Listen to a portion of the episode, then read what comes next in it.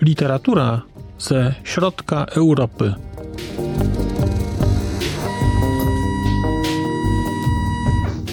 Podcast około książkowy.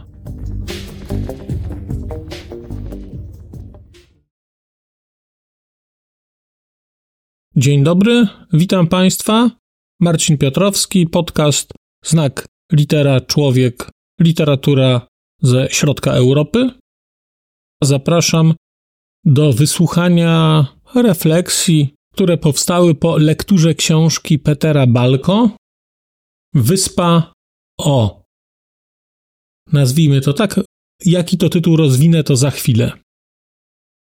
Książka została wydana w roku 2022 nakładem Biblioteki Słów. Książkę przełożył pan Miłosz Waligórski. No i dodajmy tylko, że książka w języku słowackim ukazała się w roku 2019, więc mamy książkę dosyć szybko w polskim przekładzie. Zacznijmy może od tytułu Wyspa O. To O jest narysowane, zapisane jako takie informatyczne zero, jako zero przekreślone, jako zbiór pusty, albo jako ta litera alfabetu chyba któregoś ze skandynawskich y, krajów z przekreślonym O. W języku słowackim, w oryginale, wyspa to jest ostrow.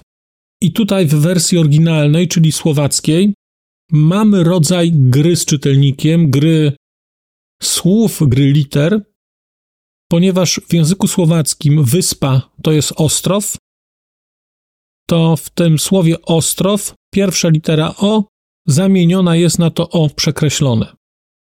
W polskim przekładzie mamy wyspa O, ale nie wiem, czy ja na przykład bawiąc się w hipotetyczne rozważania, co by było, gdyby czy na przykład nie można byłoby tłumaczyć tego jako wyspa i to ostatnie A mieć z kółeczkiem, takie to się chyba angstremy tak nazywało, nie wiem, nie pamiętam już z fizyki. Tak czy siak, wyspa O, Peter Balko. Peter Balko pojawił się u mnie już całkiem niedawno przy okazji lektury książki Wtedy w Loszącu. I o ile wtedy w Loszącu to była jego książka debiutancka, o tyle Ostrow jest jego drugą książką i jest książką, na którą trzeba było chwilę poczekać. To znaczy, czytelnicy musieli chwilę poczekać. No i powiedzmy tak. O ile wtedy w Loszącu to był zbiór opowiadań, to tutaj dostajemy klasyczną opowieść. Powieść nie za długą, to jest 230-240 stron. Natomiast powieść dzielącą się na kilka bardzo wyraźnych części i powiedzmy sobie to jasno również powieść postmodernistyczną.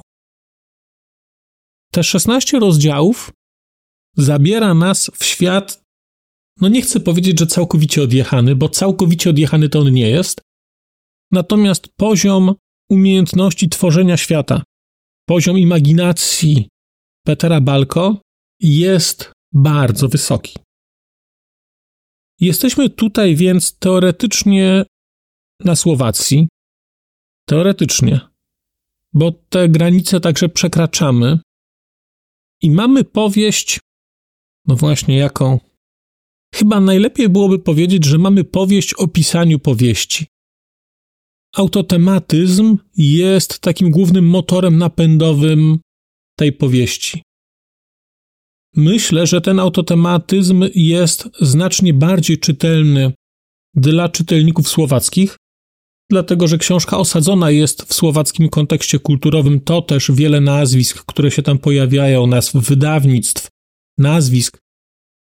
Wiele tych rzeczy więcej mówi w oczywisty sposób czytelnikowi słowackiemu. Natomiast zjawiska, to wszystko, co tutaj się pokazuje, jest tak samo aktualne w kontekście polskim i po prostu czytając jako Polacy, czy czytając tę książkę w dowolnym innym przekładzie, no, minimalnie się traci, natomiast, natomiast bardzo niewiele. Mówiąc, że to jest książka o pisaniu powieści, popełniłem pewne nadużycie, dlatego że ta książka jest po części książką o pisaniu powieści. Natomiast w bardzo dużym stopniu jest książką o literaturze jako takiej, o narratorze jako takim, o relacji między narratorem a bohaterem, o relacji między bohaterem a autorem. Peter Balko podejmuje tutaj z czytelnikiem grę. Podejmuje z czytelnikiem grę, którą to grę odkrywa się w trakcie i uświadamia sobie czytelnik w trakcie, że po części czyta książkę o relacji ojciec-syn, ale po części czyta także książkę o powstawaniu tejże książki. Nie dokładnie tej, ale także tej. Bo kiedy mówiłem, że ta książka składa się z kilku części, to miałem na myśli to, że te 16 rozdziałów na poziomie takim logicznym tworzy kilka całości. No i teraz wyobraźcie sobie Państwo, że czytacie sobie Petera Balko i nagle czytacie taki fragment. Zadzwonił telefon i poszedłeś odebrać. Cichomir, kiedy w końcu dostanę rękopis? Daj mi tydzień. Powiedz chociaż, o czym to będzie, na litość boską. Zaczyna się jako dramat psychologiczny o relacjach ojca i syna. Środek to kryminał w duchu magicznego realizmu, a na zakończenie opowiadanie grozy na temat wyobraźni. W telefonie zapadła cisza. Orzesz, kurwa. Zamknął rozmowę wydawca. No i właśnie. Ten fragment, ten konkretny cytat bardzo dokładnie opowiada to, o czym, a właściwie jak napisana jest ta książka. Część pierwsza to jest historia, a właściwie nawet trudno mówić w tej książce o częściach, one formalnie nie są wydzielone. To jest raczej dominująca narracja, która się tutaj pojawia i która w pierwszej części pokazuje relację ojciec-syn z perspektywy syna. W drugiej części pojawia się ten realizm magiczny, a w trzeciej części mamy kryminał, horror, coś, coś takiego. Główny bohater tej książki, czyli Cichomir, jest synem bardzo znanego i poważanego literata słowackiego. Cichomir jest już po debiucie. Ukazał się jego zbiór wierszy albo zbiór opowiadań, nie pomnę w tej chwili. I Cichomir w tej chwili pisze drugą książkę. Doskonale wie, że tak naprawdę jego jako pisarza definiuje to, jaka będzie druga książka, a nie jaki jest debiut. No i pisze drugą książkę. Więc już pojawia się tutaj ten autotematyzm po raz pierwszy, bo jesteśmy dokładnie w sytuacji Petera Balko, czyli osoby, która miała bardzo udany debiut i która teraz no, musi co najmniej osiągnąć tyle samo, ile uzyskała debiutem, czyli książką wtedy w Loszącu. Loszonec zresztą jest elementem, który się w tej książce pojawia. To jest kolejny zabieg autora, kolejny wątek, trochę autotematyczny, trochę z takiego uniwersum, dlatego że część akcji dzieje się w Loszącu. Są delikatne odniesienia do postaci, które pojawiały się w zbiorze opowiadań wtedy w Loszącu, ale to, co w tamtym zbiorze było tylko cząstkowe, co pojawiało się jako punkty, czyli realizm magiczny, który był zaakcentowany, który gdzieś pobrzmiewał w tle, no tutaj wybrzmiewa bardzo mocno. Powiedziałbym, że ta książka jest książką mocno inspirowaną, bardzo mocno inspirowaną takimi tytułami chociażby jak Sweeney wśród drzew, o którym odcinek jakiś czas temu nagrawałem. Jak książka Matej Wisznieka, sprzedawca początków powieści. Bardzo podobne wątki, ale pokazane zupełnie inaczej. No nie można tutaj nie wymienić także Italo Calvino i jego Jeśli zimową nocą podróżny. Balko czerpie z tej tradycji postmodernistycznej, z tej tradycji, która zajmuje się powieścią i czyni z procesu pisania powieść jako taką, ale robi to w sposób zupełnie inny. To nie jest książka, która bardzo dużo z tamtych powieści czerpie. Pewne rzeczy są stamtąd wzięte, albo pewien sposób postrzegania świata postmodernistyczny, ale Balko tworzy tutaj historię zupełnie inną. W tej książce spotkacie Państwo ożywieńców. Być może zastanawiacie się, kim są ożywieńcy.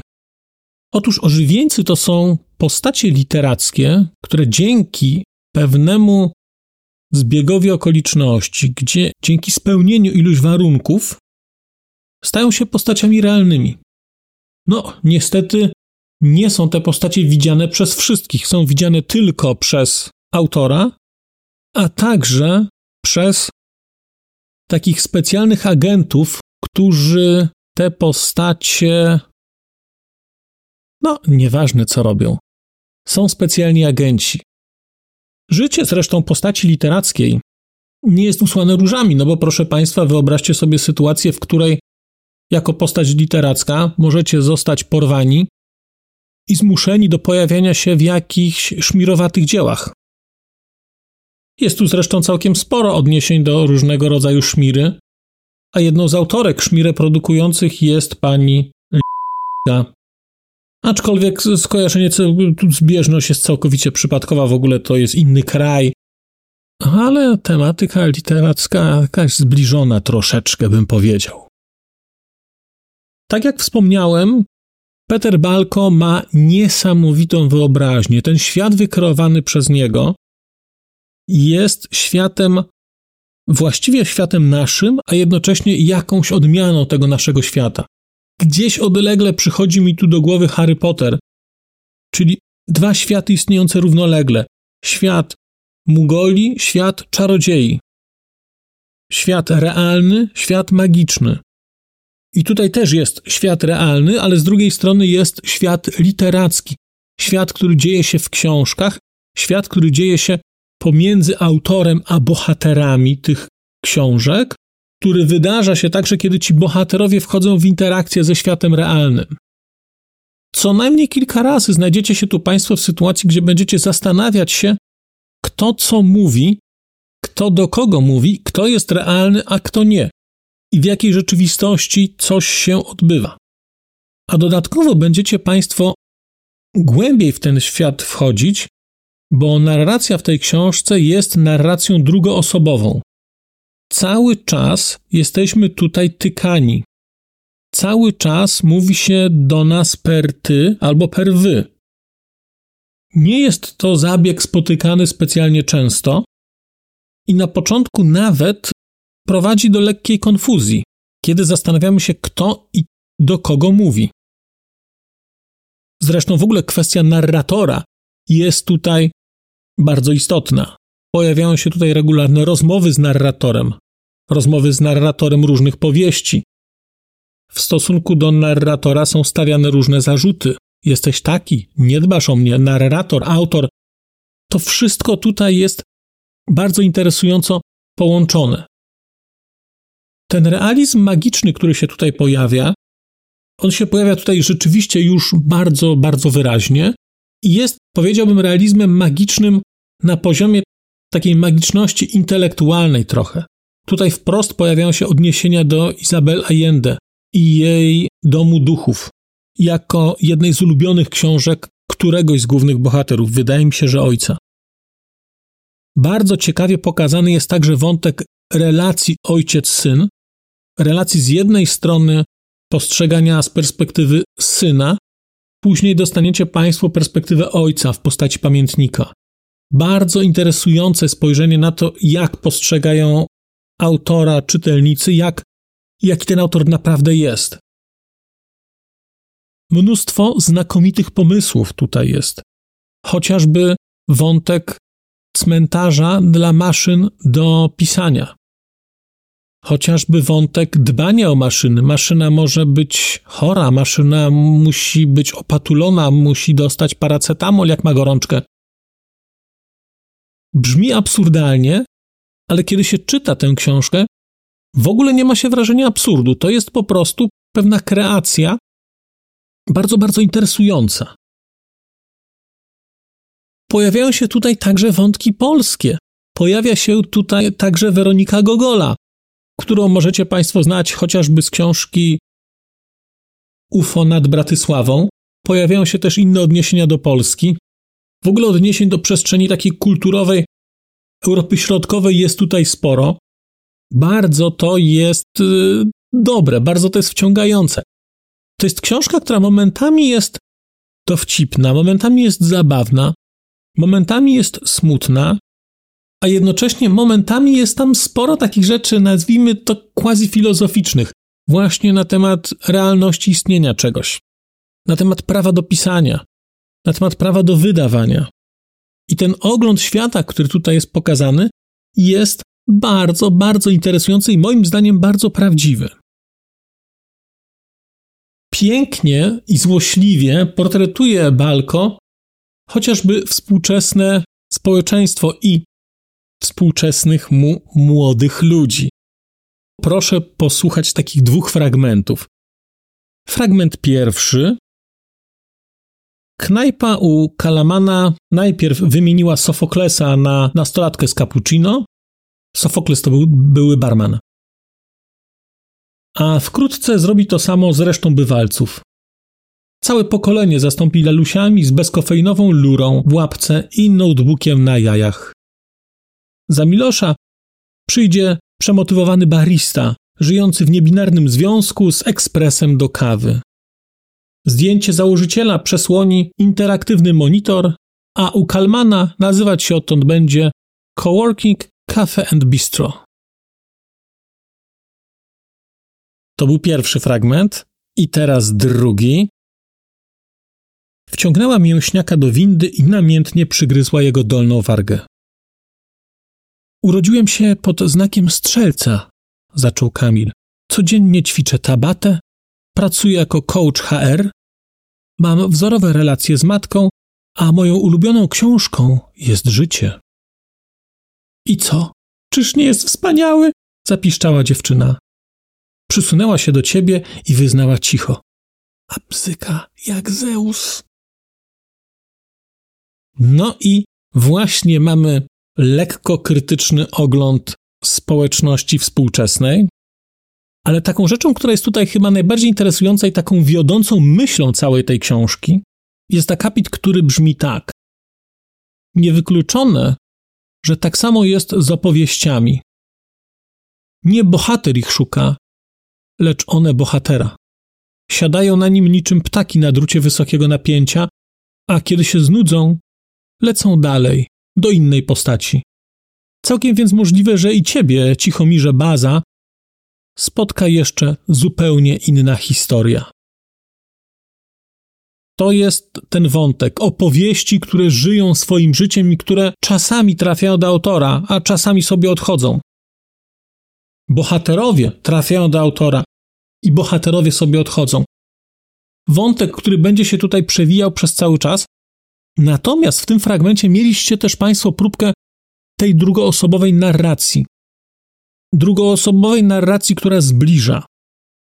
Całkiem więc możliwe, że i ciebie spotka jeszcze zupełnie inna historia. Do domu wróciłeś podpity, runąłeś na łóżko.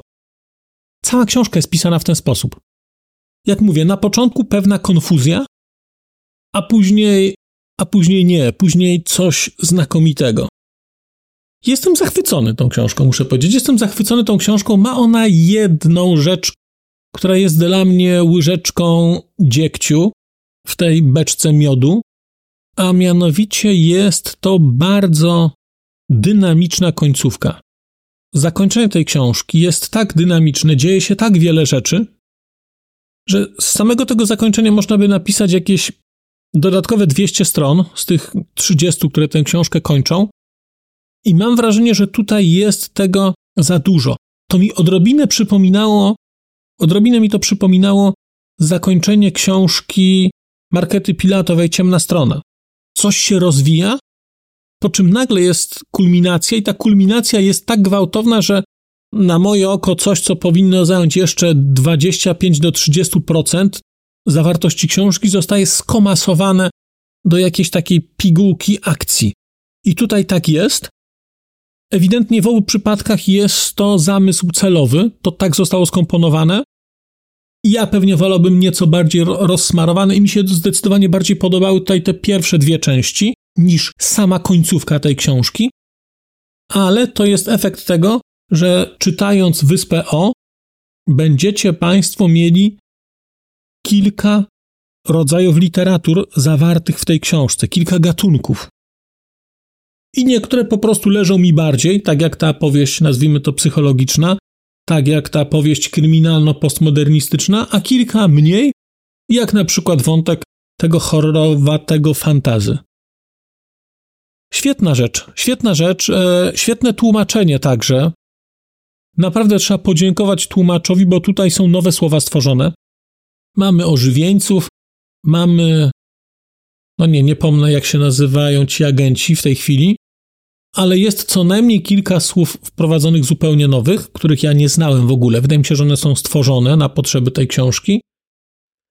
A jednocześnie język, który jest tutaj używany, jest też materią taką bardzo plastyczną. I wydaje mi się, że trudno było to oddać w przekładzie. To się moim zdaniem Miłoszowi Welgórskiemu bardzo dobrze udało i ta książka jest napisana różnymi językami, napisana różną narracją, ona się zmienia, ona się przekształca. No, bardzo mi się to podobało. Bardzo mi się to podobało. Jeżeli szukacie Państwo nieoczywistej książki, która będzie z jednej strony powieścią postmodernistyczną, ale z drugiej strony książką, która będzie poruszać tematy istoty literatury. Czym jest literatura, czym jest proces tworzenia, jak wygląda proces. A jednocześnie książki, która będzie satyrą na współczesne pisarstwo, na współczesny rynek wydawniczy, na współczesną produkcję, masową produkcję książek. Tutaj też Państwo zobaczycie, kto i gdzie masowo produkuje takie, takie, takie szmiry, które się, które się czyta tak naprawdę ta książka to jest znakomita zabawa.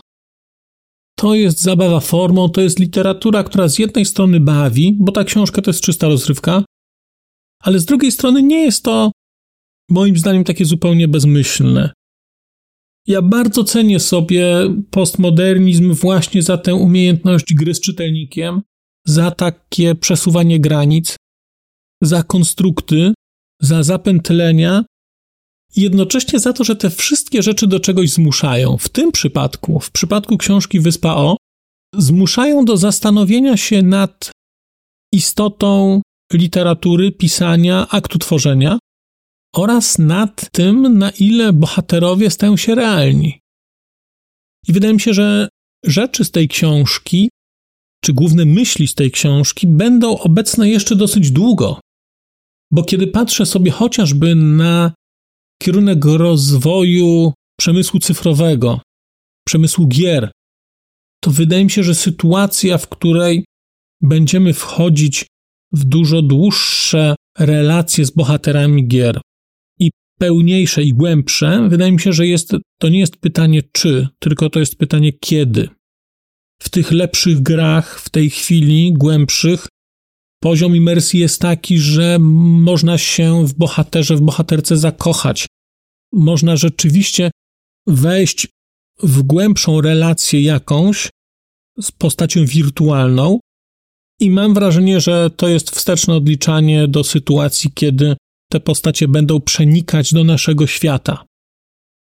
I tutaj w książce Wyspa O mamy trochę o tym. Mamy trochę o tym i mamy trochę o tym, co to znaczy być postacią, co to znaczy być postacią główną, co to znaczy być postacią drugoplanową, trzecią, albo postacią, która jest totalnie epizodyczna.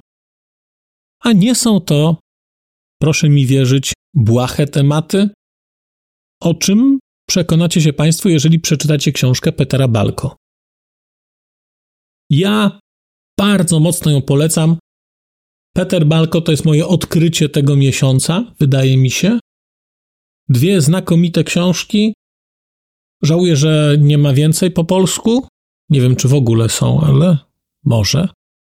Ja w każdym razie na kolejne będę czekał.